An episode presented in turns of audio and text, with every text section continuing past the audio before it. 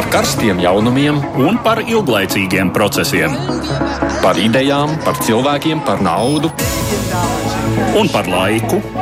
Par abām mūsu planētas puslodēm, un lietojot abas smadzeņu puslodes. Ēterā raidījums divas puslodes. Aizsmeļamies, Tamsons, saka jums labdien! Tiekamies ikdienas raidījumā, kas veltīts notiekošajam pasaulē. Otrs raidījuma līdzautors Edvards Liniņš ir pie tālruņa. Sveiks, Edvards! Esiet sveicināti!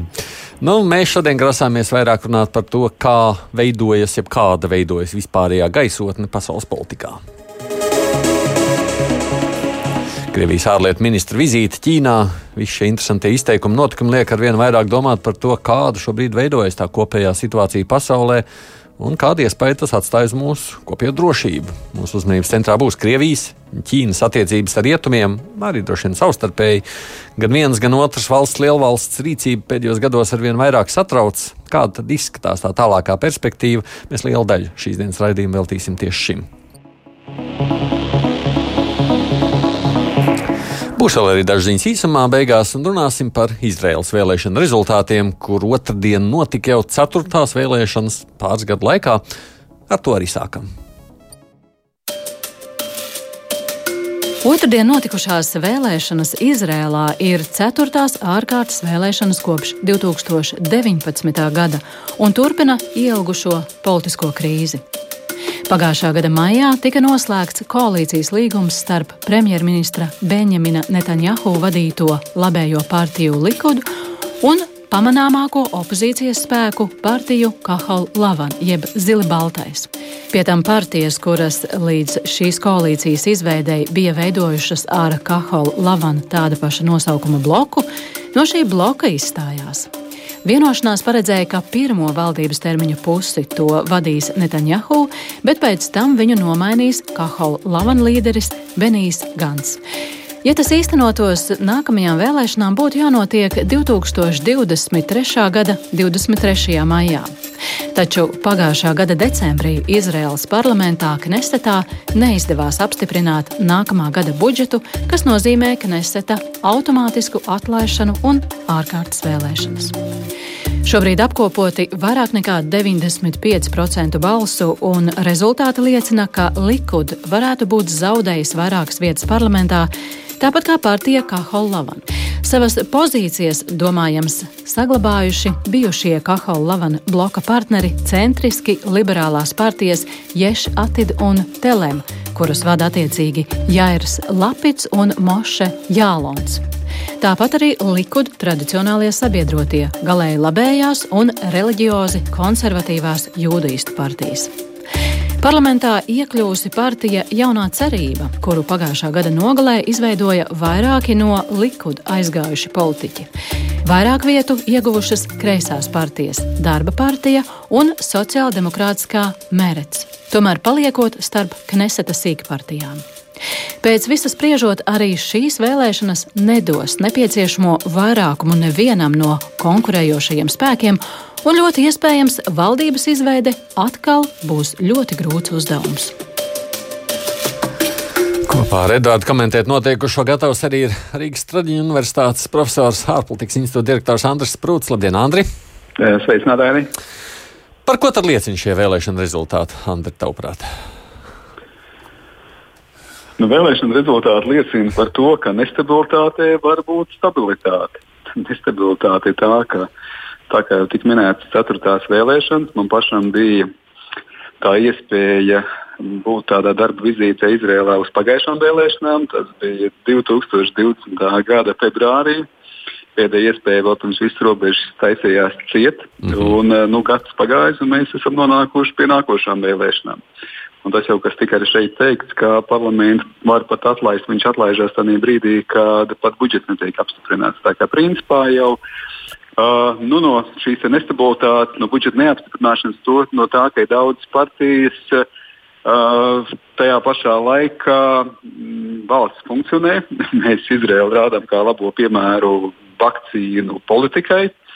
Un, protams, ka ir vēl viena liela vērtība, nu, liela vērtība kādam, liela vērtība kādam, liela vērtība pēdiņās. Protams, tas ir Bibija, jeb Benjamins Netanjahu. Nu, šķiet, ka partijas mainās, partiju līderi nāk un iet, bet kā viņš šobrīd politikā paliek, tā viņš paliek. Nu, neviens nevar noliegt to viņa harizmu, to viņa spēju būt politikā, neskatoties uz to, ka ir ļoti daudz izaicinātāju, neskatoties to, ka pašai partijai ir nevienmēr iet viegli, neskatoties to, ka viņam pašam ir korupcijas eh, apsūdzības un viņš var kādā brīdī stāties tiesas priekšā. Bet uh, tomēr uh, tā viņa harizma, tā viņa spēja mobilizēt sabiedrības daļu. Protams, tā skaitā arī nu, kaut kur mobilizējot ap karogu, ap apdraudējumu, ar pietiekoši nu, uzsvaru uz nacionālistiskiem uzstādījumiem par Izraels vietu, arī par teiksim, šīm te okupētajām teritorijām.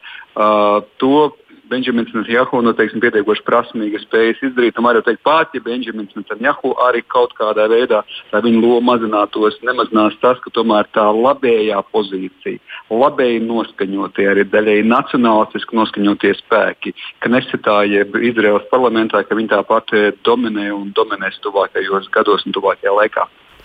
Edvards, tavi secinājumi par visu?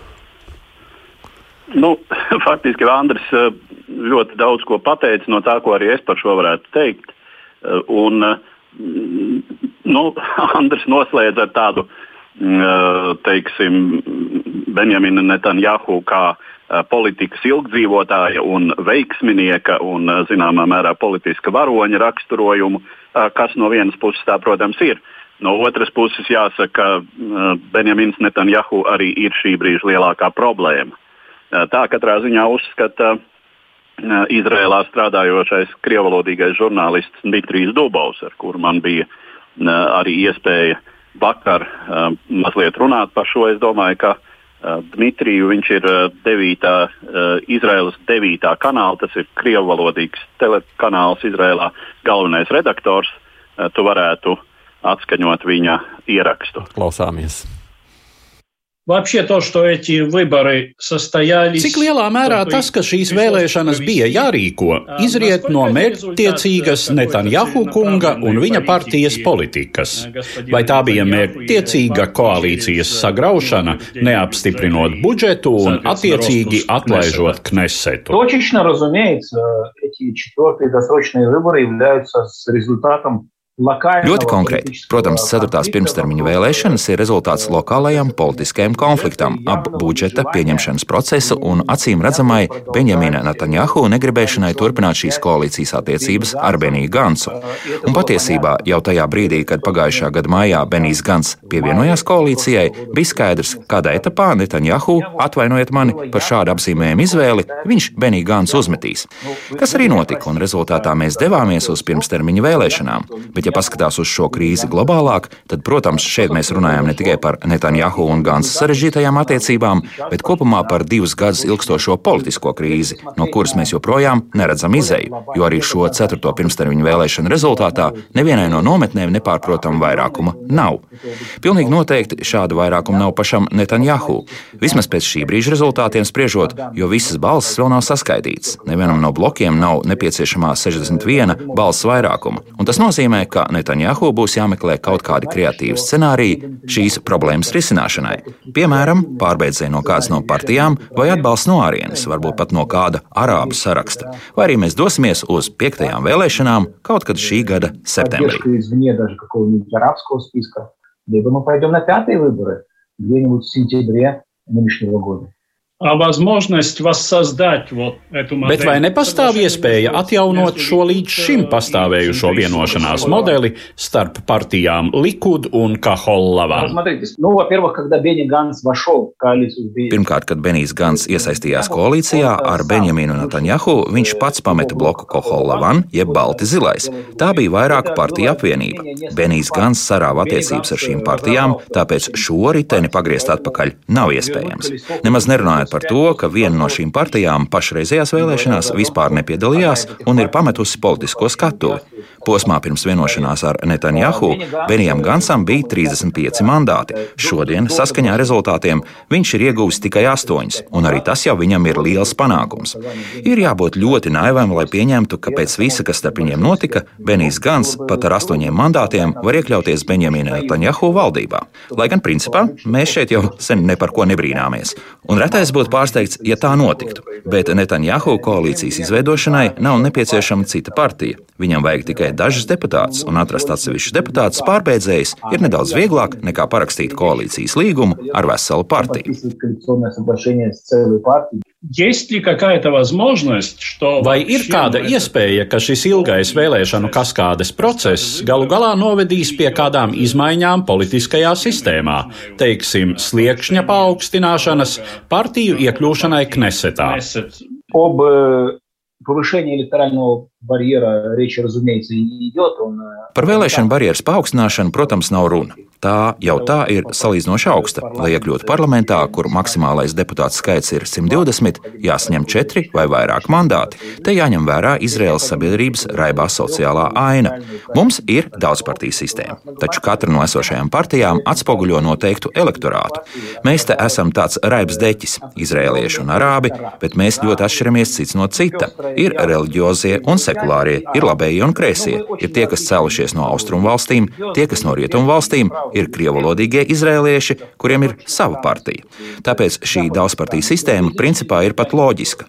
Mūsu krīze nav pat sistēmiska, tā ir personību krīze. Ja šodien, sekojot jebkuras Eiropas demokrātijas piemēram, un tagad es te skaļi fantazēju, Benjamins Netanjahu paskatījies uz situāciju no malas, teiktu: Ziniet, draugi, jūs tiešām nobalsojāt par mani, bet tā kā es redzu, ka ir tik ilgusi politiskā krīze, tad es uzņemos atbildību un aizēju. Tad bez viņa es jums apsvēru koalīciju izveidotu pusstundas, no nu, labi, es pārspīlēju, pusotras stundas, labi, varbūt vēl pārspīlēju, pusotras dienas laikā. Katrā ziņā koalīcija izveidot diezgan ātri, un visa politiskā krīze tiktu atrisināta. Šobrīd daudzus politiķus neapmierina fakts, ka Benjamins Netanjahu tiek tiesāts, un tas viņiem neļauj veidot koalīciju ar partiju Likud, kur vada Benjamins Netanjahu.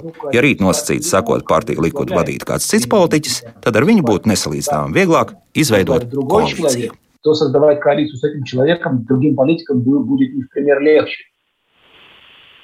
Nu, tas bija tas ieraksts, jā, ko Edvards pieminēja. Bet nu, kāda jau risinājuma tai personības krīzē es neredzu šobrīd? Ne? Nu, acīm redzot, reāla risinājuma nav, kamēr Benjamins Netanjahu grib būt tur, kur viņš ir. Uh, man taisnība sakot, uh, lasot uh, Izraels mēdījos un arī uh, runājoties ar Dmitriju. Eh, nu, kaut kas tāds diezgan pazīstams, es gribētu teikt, arī Latvijas vēlētājiem un mūsu politiskajai videi tas varētu būt. Ka personība, ar kuru, eh, kuru, daļa, kuru daļa sabiedrības, nu, ja ne gluži dievina, tad atzīst par ļoti labu, esam ļoti krietnu saimnieku un tam līdzīgi, un citai sabiedrības daļai viņš kategoriski nav pieņemams. Uh, un tas rada problēmas attiecīgi politiskam spēkam iekļauties uh, politiskajā spektrā un veidot koalīcijas un tam līdzīgi.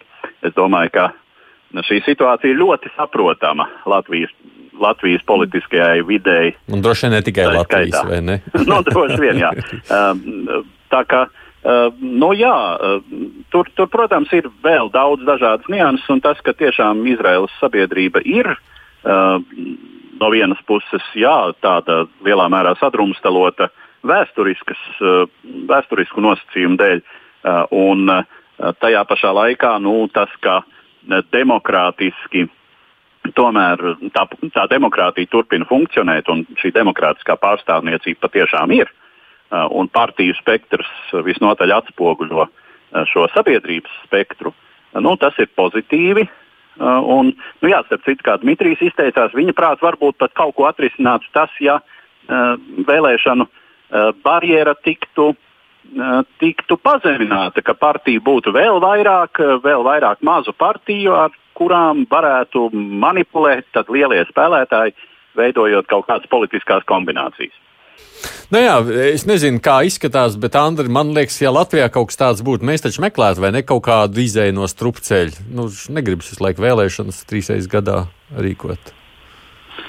Uh, ziniet, nu, kaut kādas līdzības noteikti jau ir ar Latviju. Arī tajā personību izteiksmēs tieši līdzīgi pat nodomāju, tam brīdī, kad Edvards arī runāja, ka var savilkt šādas tādas paralēles. Uh, bet ir arī, bet, protams, kad ir varonis un ir antivaronis kādam, un ir no vienas puses risinājums, no otras puses problēma, ir saimnieks, uh, ir tikpat tajā pašā laikā tā viņa saimniekošana var tikt kā saka, skatīts tiesas priekšā. Tā kā šeit varbūt ir tās analoģijas. Bet tomēr ir viens liels bet ir tas, ka tomēr tās pārējās partijas, mēs, tas jau tika arī pieminēts, mēs to atcerējāmies, tagad mums tas tika atgādināts ar Izraels gadījumā par to, ka viens teiksim, no šiem lieliem opozicionāriem spēkiem ir Benīgi Gants priekšgalā, kas pagājušajā gadā principā cīnījās uh, līdzvērtīgi, šobrīd faktiski ir beidzis eksistēt.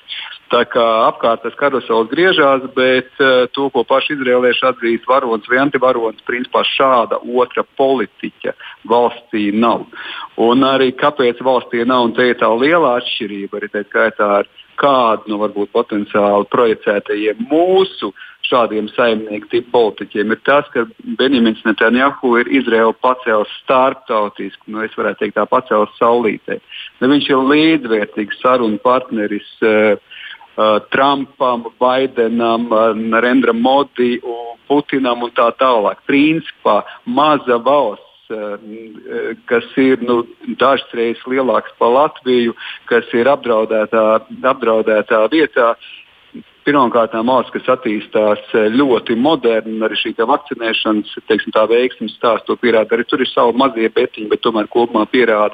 Bet tas, ka ir spējis runāt līdzvērtīgi, padarīt valsts, kas tiek līdzvērtīgi uzklausīta un līdzvērtīgi kā lielo līderu, teiksim tā, uh, apkopojumā vai kopienā vai lokā. Nu, es domāju, ka tās ir vēl viens teiksim, papildus Benjamina Netanjahu fenomens, kas šeit tomēr nav līdzības ar no Latvijas pēdiņās vai ne pēdiņās, kā kurš no uztver saimniekiem. Tas gan jā. Bet, ja runājam beigās par tālāko, būs jaunas vēlēšanas, būs piektās? Uh, nekas nav, nekas nav permanentāks par pagaidu teiksim, tā, risinājumu. Ja pagaidu risinājumu šobrīd ir vēlēšanas un teiksim, šīs te pagaidu koalīcijas. Es neizslēdzu, ka būs vēlēšanas. Es domāju, ka izveidosies kaut kāda koalīcija, izveidosies kaut kāda koalīcija, kas varbūt nebūs pārāk stabila. Uh, drīzāk visā tajā stāstā tas, kas ir interesanti, tiešām interesants šis arābu uh, vēlētājs stāsts. Ka arābu vēlētājs šobrīd ir kļuvis kaut kur par zināmā veidā karaļa veidotāju. Vai pat tām atslēgām, kas var nosvērt svarkaus uz vienu un uz otru pusi. Uh, kādā, kādu pozīciju viņi ieņems. Un, principā, šeit, es domāju, būs arī kaulēšanās, kurš tad iespējams piedāvās arābu, arābu vēlētāju pārstāvjiem arī kādu ministra vietu. Un, es domāju, ka tas var motivēt arī tos pārējos arābus, kas šobrīd joprojām pārāk aktīvi nepiedalās vēlēšanās, kas Izraels pilsoņi, bet nepiedalās vēl mēs varam runāt par arābu vai palestīniešu iedzīvotājiem, kas dzīvo okupētās teritorijās, kas vispār nepiedalās nekādās vēlēšanās, vismaz attiecībā uz Izraelu. Bet, principā, arābu vēlētājs, kas ir pie pietiekoši liels. Joprojām pārāk aktīvi uz vēlēšanām neiet, bet es uh, domāju, ka šie daži procenti, kas mums ļauj izvest teiksim, pietiekoši tādā nu, nozīmīgā lomā, var motivēt arī iesaistīties aktīvāk. Tā kā pagaidām ir pagaida variants, skatīsimies, kā attīstīsies šī plakne, ja tā var teikt. Un, uh, nu, es domāju, ka Benjamins Nehu tomēr tuvākā laikā ir iespējas uh, Uh, viņš ir pieredzējis pie tā tajā nestabilajā ūdenī, arī to savu koalīciju izveidot līdz nākošajām vēlēšanām, kad mums būs. Es neizstāstu, ka viņas varbūt ir pietiekoši drīz. Nu, vienīgais, pabeidzot šo Eduardu, man liekas, ja man atkal piekto reizi mums būs jārunā par to pašu. Tas ir ļoti iespējams. Tā izskatās. Jā. Tā izskatās. Uh, bet, nu, jā, arābu, arābu vēlētāju faktors un arābu partiju faktors. Un, protams, tur ir Tā kā teorētiski lielākas iespējas varētu būt uh, Netanjahu opozicionārajam blokam, kas ir liberālāks. Uh, jo nu, Netanjahu tajā pašā laikā balstās uz uh, salīdzinoši labējām un arī teiksim, šīm reliģiskajām partijām, kurām sadarbība ar arābiem uh, nu, varētu būt problemātiskāka. Bet jā, nu, Dmitrijs arī, kā, kā jūs dzirdējāt, sarunā neizslēdz, ka Netanjahu varētu slēgt kādu kā Dmitrijs to definēja, eh, radošu, eh, atrast kādu radošu scenāriju sadarbībai ar arābu partijām. Mm. Radoši, pragmatiski. Jā. Jā, Labi, gaidām tālāko notikumu attīstību. Bet nu, mēs tagad turpinām ar to, kas notiek nevis vienā pasaules valstī, drīzāk tā globāli. Lielvalstu attiecībās runāsim par Krieviju, par Ķīnu. Krievijas ārlietu ministra Sergeja Lavrova ierašanās oficiālā vizītē Ķīnas Tautas Republikā notiek uz nopietna Krievijas un ASV attiecību sāsināšanās fona.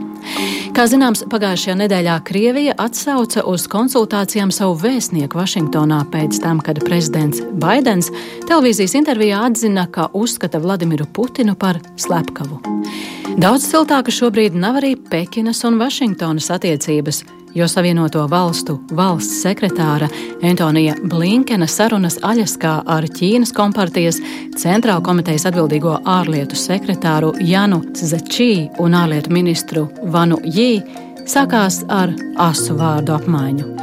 Tāpat Savienotās valstis līdz ar Kanādu un Lielbritāniju pievienojušās Eiropas Savienības sankcijām Ķīnas amatpersonām saistībā ar uiguru minoritātes vajāšanu Ķīnas Sinģanas reģionā.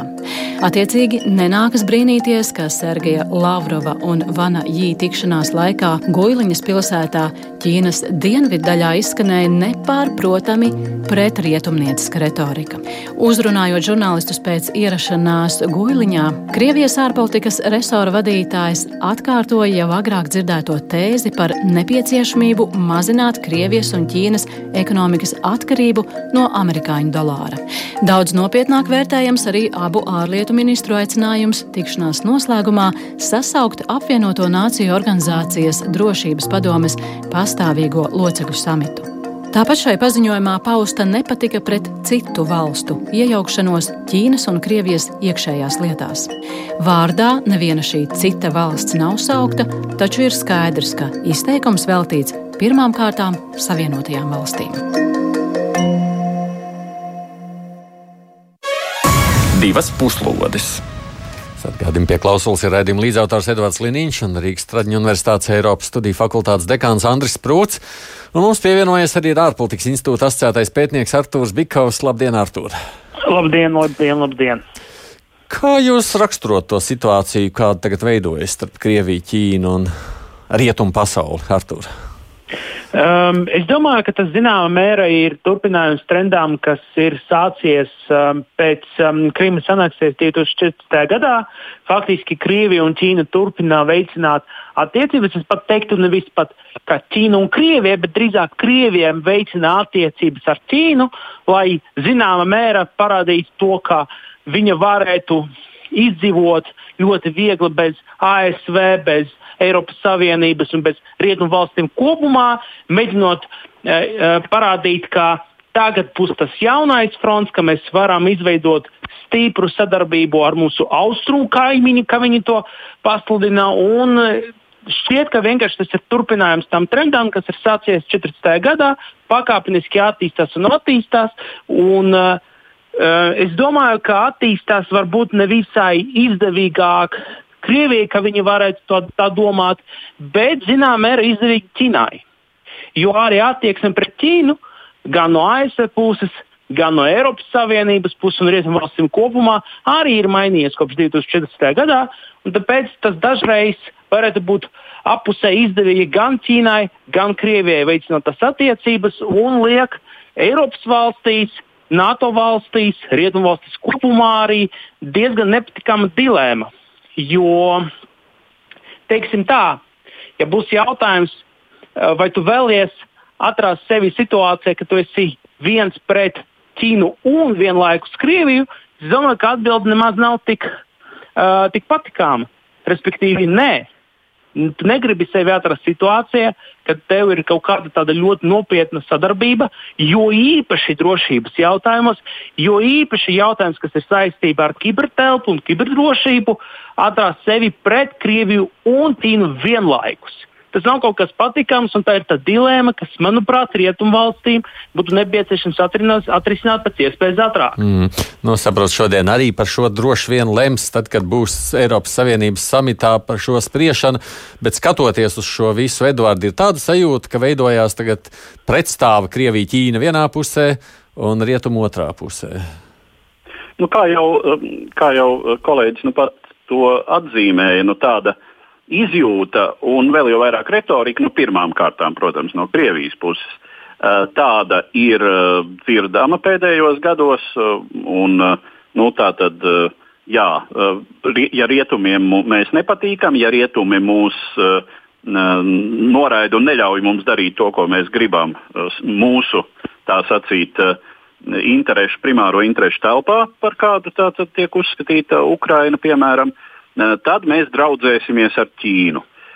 Un varbūt jā, nu Ķīnu pēdējā laikā arī ir šai virzienā mudinājusi gan prezidenta Trumpa politika, un ja kāds varbūt Pekīnā cerēja, ka prezidenta Baidena administrācija nāks ar uh, Uh, attiecību renesansi un uh, tā sacīt labos Trumpa kļūdas uh, attieksmē pret Ķīnu, tad nu, šīs cerības nav piepildījušās, jo, protams, Trumpa politika bija varbūt ļoti krasa ekonomiskajā nozīmē, bet problēmas, kas saistās ar Ķīnu un kuras citas starpā uzrādīja arī viss, kas, kas saistījās ar, ar pandēmijas uzliesmojumu, un tās izplatīšanos, nu, un, protams, šīs minoritāšu apspiešanas problēmas eh, un vispār Ķīnas nedemokrātiskuma, totalitāra režīma pastāvēšanas problēma, eh, nu, tas, tas viss jau nekur nav pazudis. Un, um, Baidena administrācija, nu, ja runa sevišķi par šo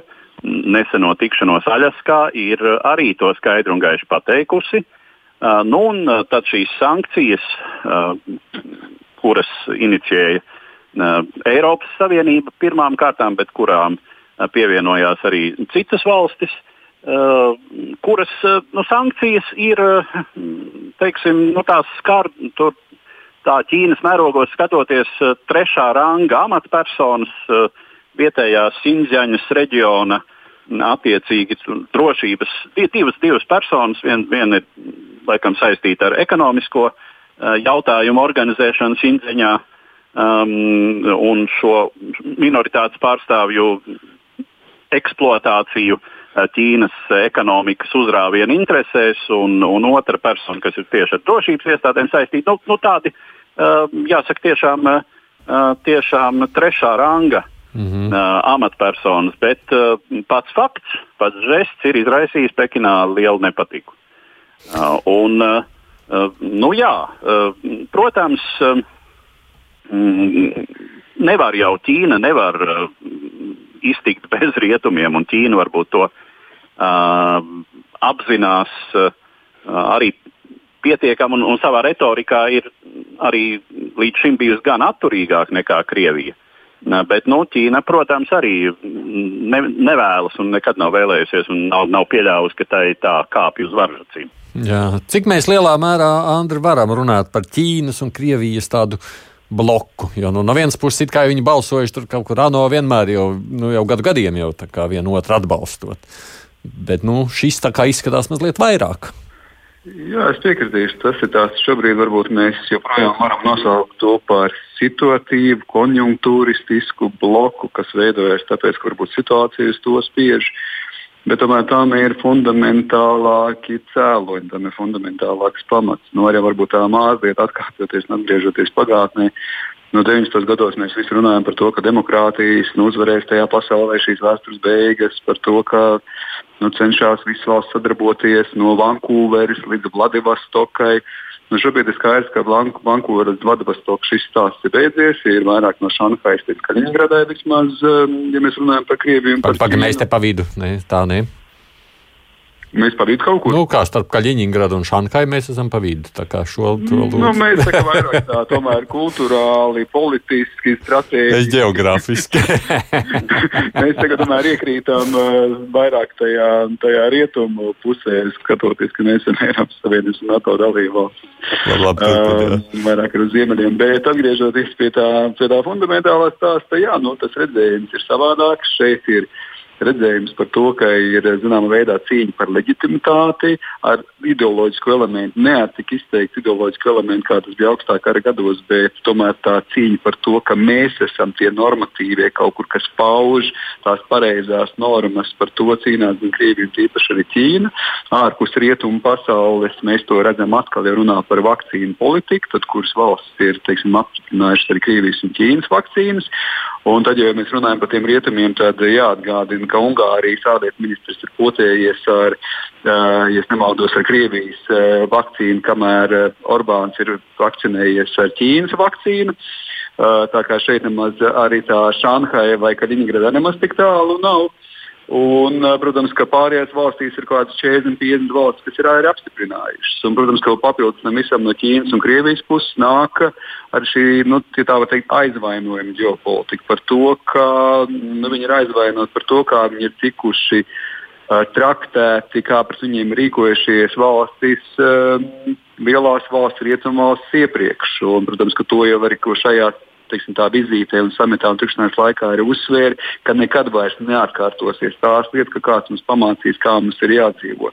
Tagad šeit ir šie vairākie aspekti kopumā, kas nu, ir gan pragmatiski, gan ideoloģiski, gan ģeopolitiski, un tas tomēr Ķīna un Krievija stumj kopā. Protams, ka var teikt, ka šeit ir absolūtās asimetrijas, ka šeit ir vēsturiskie riski un apdraudējumi izjūtas tīpaši no Krievijas puses attiecībā pret Ķīnu. Tāpēc es piekritīšu, ka šeit varbūt Ķīna viņai kā nav ko baidīties no Krievijas. Krievijai savukārt tur jābūt piesardzīgai šī Ķīnas lielā aktīvā attīstība ekonomiski ar lielāku klātbūtni kaut arī tajā pašā Centrālā Āzijā, kur jau sāk sadurties Krievijas un Ķīnas intereses. Bet tomēr tā fundamentāli strateģiski šajā brīdī absolūti Ķīna un Krievija tomēr iet kopsolī. Un te ir jāsaka, ka arī tiešām ir tās mūsu Eiropiešu rietumu dilemmas, ka uzliekot sankcijas, mēs jau to situatīvu konjunktūrisko, ja tā var teikt, alianses, mēs viņu padarām arī fundamentālāku. Un no vienas puses ir jāsaprot, ka šīs sankcijas viņām ir pamats, jo kaut kādā veidā bija jāparāda savu pozīciju, kādā veidā tiek traktēta, kādā veidā izturās pret uiguriem, kur ir tā saucamās pāraudzināšanas nometnēs pārizglītoti uh, simtiem tūkstošiem, lai neteikt vairāk miljonu, bet uh, tajā pašā laikā, protams, ka Ķīna ir liela ekonomika, kas būs daļa no globālās ekonomikas, un kur mums ar Ķīnu būs arī vienlaikus jāsadarbojas. Tā kā šeit šīs dilemmas absolūti ir ļoti sarežģītas priekš rietumiem, es pat teiktu, tīpaši priekš Eiropas, tā skaitā arī priekš Latvijas. Mēs jau savulaik skatījāmies, atceramies, bija viens brīdis, man liekas, pat ne tik sens, tad, kad sāk veidoties ar vien lielāku spriedzi pēc tā paša 2014. gada, ko jūs ar to pieminējāt. Nu, mēs teicām, nu labi, mums nesanāk ar Krieviju, nu, tad mēs metam savu cerību uz Ķīnu. Šis tagad uh, cerības skatiens uz Ķīnu, ka viņa glābs mūs no ekonomiskajām problēmām, kuras mums veidojās Krievijas dēļ, tad tas ir šobrīd izsapņots sapnis. Um, īsti es nevarēšu apgalvot, ka ne, mums tagad um, nekāda gadījumā nav jāsadarbojas ar Ķīnu, jo īpaši ekonomiskais jautājumos. Vienīgais, ar ko mums visai noteikti, manuprāt, būtu jābūt piesardzīgām, tas ir jautājumi, kas ir saistīti ar kritisko infrastruktūru. Un tas ir kaut kas tāds, ko, uz ko Ķīna skatās ar, teiksim, tā, ar uh, lielām acīm un vēro situāciju ļoti uzmanīgi. Jo dabūt pieeju pie kritiskas infrastruktūras ir viena Ķīnas mērķiem Eiropā. Man šķiet, ka gandrīz jebkura reģiona, gan Centrālā Azijā, gan Āfrikā, gan, protams, Eiropā un konkrēti Austrum Eiropā, ar šo mums jau īpaši jābūt piesardzīgām. Ja? Bet citos tādos, teikt, pragmatiskajos ekonomiskajos jautājumos, es domāju, ka Latvija varētu tirgot ar Ķīnu līdzīgi kā šobrīd Latvijas uzņēmēji tirgo ar Krievijas uzņēmējiem. Ja? Kas saka, ka politika ir viena lieta un biznesa ir otra lieta. Vienīgais, vēlreiz, un es to uzsvēršu, jo īpaši jā, kritiska infrastruktūra ir absolūti būtiska un te mums jābūt tiešām ļoti piesardzīgiem un uzmanīgiem. Vēl viena lieta, ko es arī labprāt atzīmēju, tā ir kibertelpa un kiberdrošība. Jo sadarbība starp um, Ķīnu un Krieviju uh, militārajos jautājumos, drošības jautājumos, zināmā mērā arī pārēc un visai notiek, noteikti šī sadarbība attīstīsies kiberdrošība un kibertelpa jautājumos. Mēs zinām, ka Krievijai ir pietiekama kapacitāte, lai rīkotos, kri, eh, lai rīkotos kibertelpā, uh, nu, es teiktu, ļoti aktīvi un diezgan bīstami. Un būšu atklāts, es nedomāju, ka mēs vēlētos, lai Ķīna izmantotu to visu, ko uh, Krievijas uh, um, kibertelpā izdevās dabūt, lai izmantotu sev par labu. Tā atkal mums jābūt ļoti, ļoti piesardzīgām. Hmm. Es vispār domāju par tālāko perspektīvu. Ja šī aina šāda veida ar vien drūmāka paliek, kāda jums izskatās, kas tālāk notiksies šajās valstu attiecībās? Nu, jā, mums tiešām, ja mēs runājam par to nākotnes perspektīvu, jā, mums jābūt vēlreiz, ja mēs runājam par nākotnes perspektīvu, nu, visai noteikti kiberdrošība un kibertelpa ir top prioritāte. Uz ko mums jāskatās obligāti un mums jāredz, ka um, jāredz uh, potenciālus signālus, kas norāda uz to, ka aha, šeit mums ir nepieciešams veicināt to drošību, lai nedod Dievs pieļautu kaut ko tādu, ko pēc tam Ķina varētu izmantot pret mums. Gan pret Latviju, ja šī konkrētajā gadījumā, gan arī pret Eiropas Savienību vai mūsu sabiedrotājiem. Jā. Ko cits saka par šiem citiem aspektiem, kas veidosies tagad, runājot par rietumiem un austrumiem? Es, es domāju, ka teiksim, tā ir skatās kopējā ja attīstības tendence, nu tad pārāk labvēlīgi viņas man šobrīd neizskatās. Tā var teikt, te ir tāds cerības optimisms, bet intelekta um, un izvērtējuma pesimisms par to, kurā virzienā mēs īsti virzāmies. Jo tā viņš šķiet, ka arī pandēmija ir atkal atgriezīšos pie vakcīnu politikas, ka mēs redzam vien vairāk un vairāk teiksim, šos te blokus ka ir ne tikai ideoloģiskās atšķirības, bet arī tīri tirniecības ziņā, protams, ka sākās ar vien lielāks protekcionisms. Es domāju, ka tā atvērtā pasaule, plekanā pasaule, kas ir Latvijai mazām valstīm kopumā, ir izdevīgs ka šobrīd tā plakanā pasaule, ka viņi vairs tik plakana nebūs un tik atvērta vairs nebūs. Uz to mēs ejam. Kā arī piegāžu ķēdes, tirzniecības ķēdes, kas jau tika minēts, kritiskās infrastruktūras, teiksim, tā apgādātāji un sabiedrotie, būs daudz, daudz ierobežotāks uh, lokus.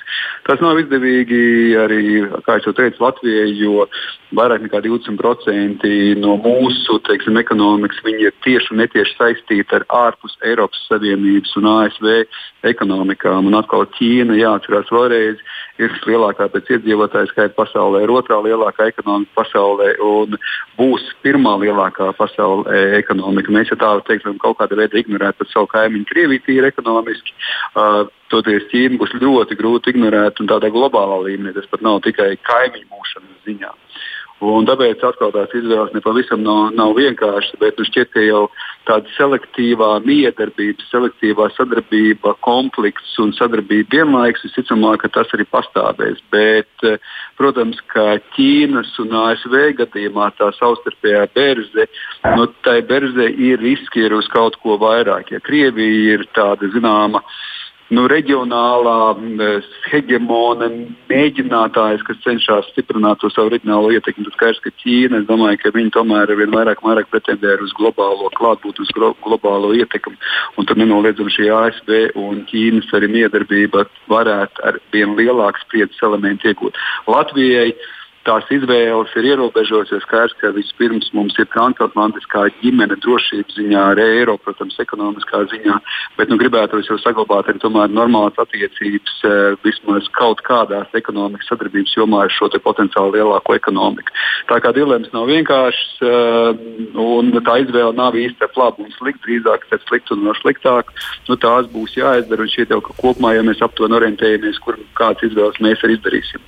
Vienīgi jautājot, Edvard, tev savukārt par šo perspektīvu, nu, ja Ķīnā tur nekāda tāda izmaiņa nākotnē nav tālā redzama, tad Krievija, kas viņa zina, vai ne, tur Putins ir, Putina nav un kas notiek tālāk, varbūt, tas ir jautājums vēl ar lielāku jautājumu zīmi nekā gribas tā pesimistiski domāt?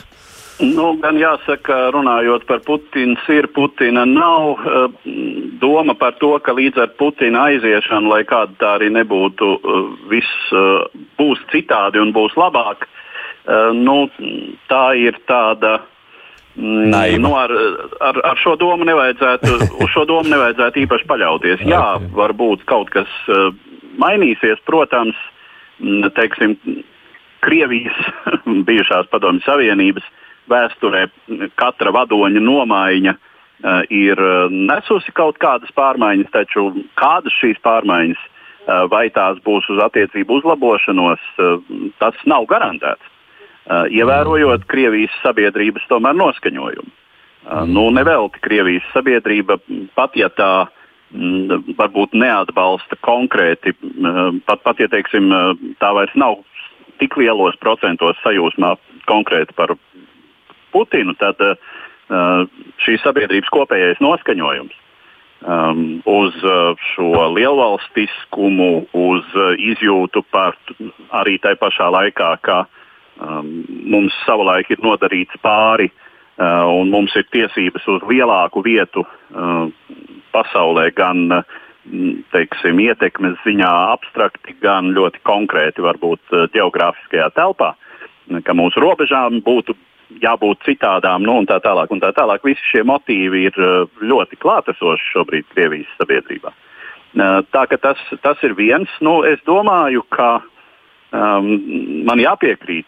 nekāda rožaina perspektīva šeit nav.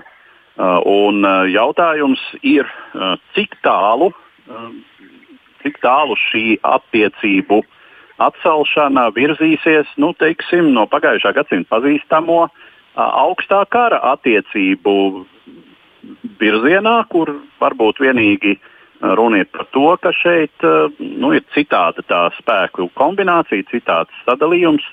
Un, vai, vai teiksim, Ķīna kļūs par tādu pašu pretim stāvētāju um, jaunā augstajā karā, nu, tas ir jautājums, par kuru var teoretizēt. Nu, um, ir ir, ir domāju, diezgan daudz apstākļu, kas, kas, varētu, kas varētu to tā arī noteikt. Mm. Mums te Leonas raksta šādi: Kremlis ar Pekinu attiecības atgādina ordas, sijāmas dvīņas, ko kopā satur tikai nauda un dabas resursi. Nevelti Ķīnā lido Čingiskana aviosabiedrība, kas gatava paplašināt ordu, bet, ja ķīniešiem jāizvēlas, viņi labāk turas tālāk no Kremļa jo pat savām jaunajām karalīdmašīnām Ķīna gribēja iepirkt dzinējus Ukrainā. Nu, Ukrainā droši vien tāpēc, ka tur ir mazliet lētāk. Un kāpēc gan neiepirkt nu, Ukrainā? Nu, tāpēc nauda ir svarīga lieta. Bet Jānis te prasa, kā jūs domājat, vai Lavrovs ieteica Ķīnai boikotēt Eiropas modes zīmolus, vai tā ir pašas Ķīnas pašdarbība? nu, tā gan laikam ir pašas Ķīnas ideja.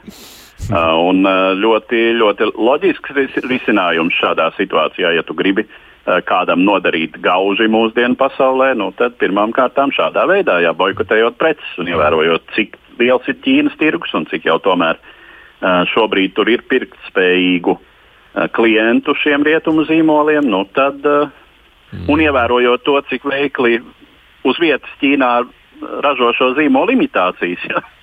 vēl jau vairāk. Mm. Tad, tad tas varētu būt diezgan sāpīgi. Jā.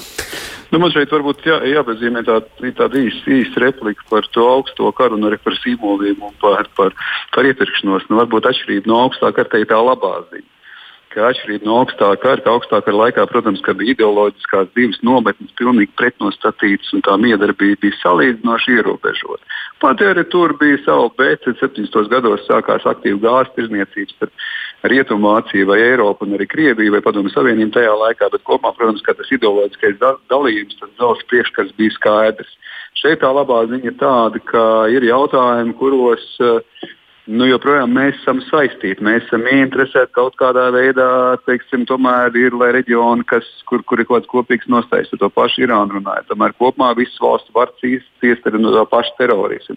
Skaidrs, ka lielākie jautājumi ir par klimatu pārmaiņām, kurā tomēr kopumā visi ir angažējušies un mēģinājuši izrādīt to savu labo gribu izrādīt, un beigās tas ietekmē mūs visus. Uh, tā tirniecība, tā ekonomika jau arī turpināsies, neskatoties uz šīm cīņām par leģitimitāti legitimitāti.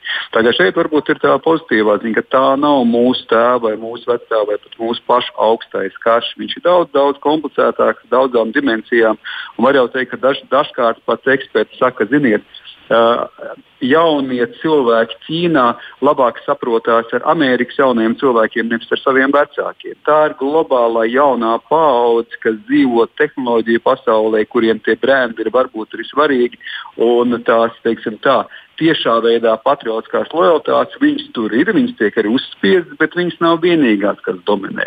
Tagad šeit ir tas jāņem vērā. Tā negatīvā puse, tā negatīvā ziņa arī tā skaitā priekš mums, ka nu, te ir tas jautājums, kā arī rietumi to spēli izspēlē. Jo jāatcerās, ka augstā kara gados tomēr Ričards Niksona laikā ar Henriju Kissingeru priekšgalā nu, veidoja to sapratni, ka pret abie, abām valstīm, pret Padomu Savienību un Ķīnu vienlaikus nevajadzētu miedarboties, ka vajadzētu tomēr iegūt kādu, kādu par sabiedroto. Un, teiksim, šī diskusija, protams, ka toreiz par sabiedroto ASV ieguva faktiski Ķīnu.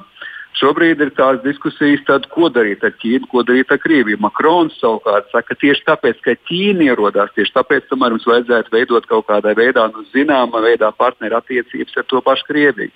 Tā kā šeit tajā trīsstūrī skaidrs, ka es domāju, ka rietumi negribētu palikt tikai paši kurā viņi nostāda tieši tā fundamentāls sadarbības eh, nu, tādos slazdos vai ieliek tajā, tajā, tajā virzībā Ķīnu un Krieviju kopā. Tā, es domāju, ka te ir jāsaprot, kādā veidā arī rietumi izspēlē to spēli, kurā Krievija un Ķīna nav uz vienas lapas. Un šobrīd es līdz galam to stratēģiju nesajūtu. Tas ir tāds mācīšanās posms. Jā, tagad mēs adresējam to, ko mēs esam bijuši bažīgi par Ķīnu, gan ģeopolitiski, gan tas, kas pašā Ķīnā notiek, bet kas ir tālākā stratēģija nu diez vai stratēģiju nosaukt vārdā vai kāda apzīmējumā Putinu vai kādu citu no tiem līderiem, kuriem tu, kuriem tu nepiekrīti vai kurus pat, pat tādiem tu uzskati, bet ar kuru, kurš pārstāvot to valsti, tomēr kaut kāda miedarbība ir jāveido. Mēs turpināsim pēc brīža arī ar mazajām ziņām, un te jau pieminējām to samitu, kurā iespējams vismaz kaut kādā mērā jau visticamāk šobrīd uh, Eiropas Savienība kopā ar ASV prezidentu apspriedīs arī šo aspektu. Uh, Artur, izskatās, ka Eiropa un ASV varētu būt vienotas savā nostājā pret Krieviju un Ķīnu. Um, es teiktu, ka varbūt tā, tā liela, liela aina jā. Bet uh, detaļas noteikti situācija varētu atšķirties, jo īpaši, ja mēs runājam par Eiropas Savienību, runājam par konkrētām valstīm Eiropas Savienību, pieņemsim tādu pašu Vāciju un uh, Nord Stream 2 projekts, respektīvi mm -hmm. uh, Vācijas attieksme pret šo projektu noteikti atšķirās no ASV pieejas, noteikti atšķirās no tā, kā uz šo projektu skatās Austrum Eiropa, Latviju ieskaitot. Tas ir viens piemērs. Un, uh, arī attiec, attiecība pret to pašu Ķīnu. Ja? Gan Francija jau uh, Sprudkungs minēja uh, Makrona izteikumus par, par, par, par Ķīnu un ka mums ir nepieciešams kā, kaut kā mēģināt uzlabot attiecības ar Krieviju, lai Krievija pēkšņi nekļūtu par Ķīnas vasalu vai par Ķīnas lielu sabiedrotāju un attiecīgi Rietumu valstīs un Eiropas Savienības konkrēti paliktu viena uh, tām divām valstīm. Uh, līdzīgu domu gandrīz pauda relatīvi nesen Bundestaga uzstājoties uh, uh, Vācijas ārlietu ministrs Māts, kad viņš runāja par to, ka runā, runa bija par um, sankcijām pret uh, tiem cilvēkiem, kur ir atbildīgi par Aleksija Navalnijas saindēšanos, kur viņš uh, diezgan atklāti pauda par to, ka ģeostrateģiski tas sankcijas pret šiem cilvēkiem varētu, varētu būt teikt, relatīvi neizdevīgas. Tā iemesla pēc, ka eh, tādējādi mēs vienkārši virzām Krieviju Ķīnas rokās. Un kā Krievija atkal, tas tā, tā, tā, tā dilēma, par ko mēs runājam, kā Krievija atkal tikai veicinās to sadarbību ar Ķīnu, un Eiropas Savienība paliks vienā pret šo te par šo te, uh, pāri, kas ir Ķīna un Krievija. Ja?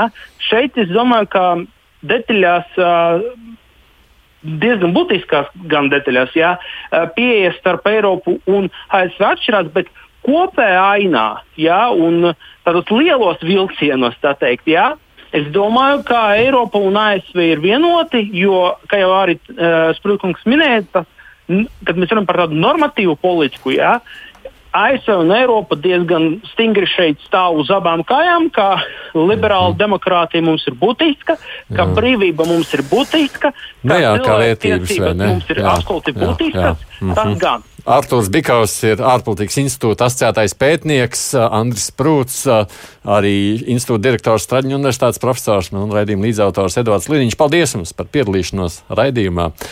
Mums vēl atvēlēts laiks tā dažām ziņām īstumā. Turpinām mēs tā ar tām.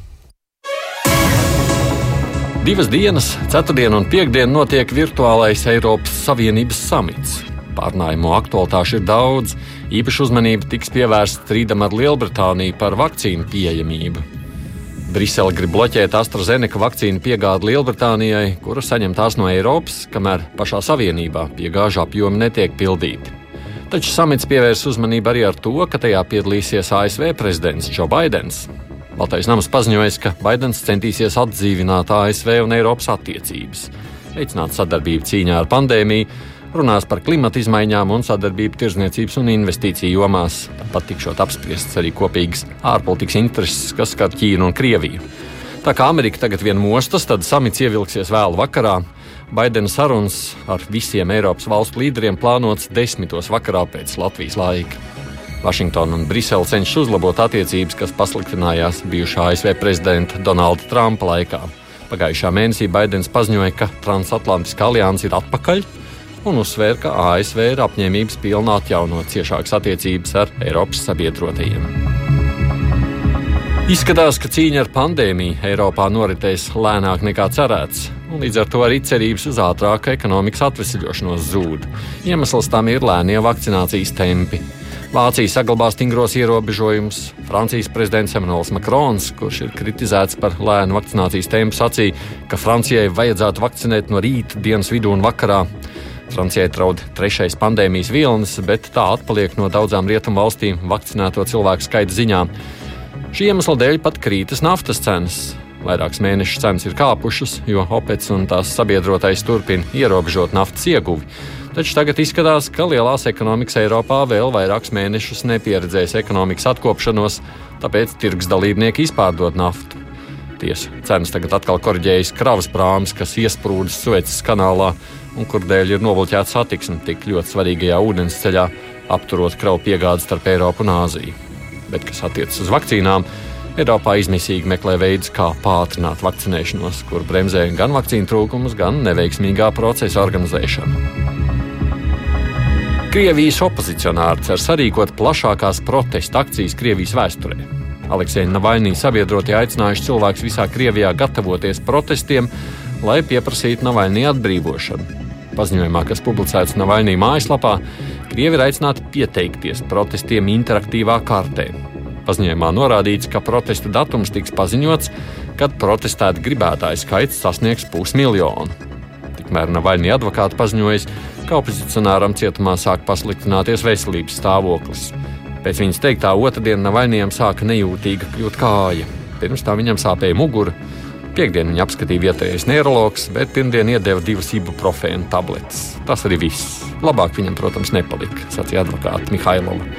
Opozicionāra advokāta cietumā netiekot ielaist, aizbildinoties ar režīma pasākumiem kā uzskata Navaļnija līdzgaitnieks Leonīts Valkovs, opozicionārs varētu būt cietums slimnīcā, bet administrācija šo faktu grib noslēpt.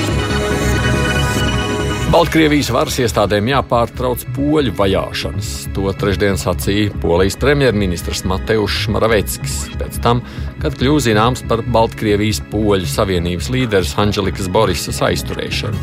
Baltkrievijas varas iestādes poļu organizācijas vadītāja aizturēja otrdien, bet trešdien viņai par nelegāla masu pasākumu organizēšanu piespriests 15 dienu administratīvais arests. Varas iestādes par šo nelegālo atzinušas ikgadējā amatnieku tirdziņu organizēšanu Grodņā. Kā sacīja polijas premjerministrs, šādi soļi ir pretrunā ar starptautiskiem standartiem.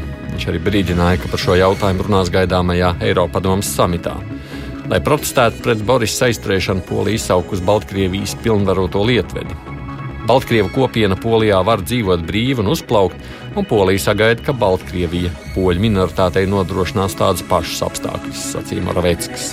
Tikmēr Minska šodien pievērsus uzmanību centieniem sarīkot plašu protestu akciju, svinot neatkarības dienu. Skotijas premjerministra Nikola Stēržena otrdien izturējusi neusticības balsojumu parlamentā. Balsojums parlamentā tika sarīkots pēc tam, kad izmeklēšanā secināja, ka Stērģena maldinājusi likumdevējs saistībā ar izmeklēšanu pret viņas priekšteci Aleksu Salmonu, kurš tika apsūdzēts par seksuālu uzmākšanos. Salmons tika aizturēts 2019. gada janvārī, un viņam izvirzītas apsūdzības par daudzkārtēju seksuālu uzmākšanos un pat izvarošanas mēģinājumu, kam par upuriem laikā, kad viņš ieņēma Skotijas premjerministra amatu, it kā kritušas deviņas sievietes. Pagājušā gada martā tiesa Salmondu attaisnoja visās 13 apsūdzībās, kuras, kā apgalvo bijušais Skotu Nacionālās partijas līderis, tikušas apzināti safabricētas ar politisku mērķi. Ar šo ziņu raidījums divas puslodes arī izskan. Reiz nedēļā, trijos pēcpusdienā mēs tiekamies Latvijas radio viens ētrā, lai runātu par aktuālo pasaules politikā.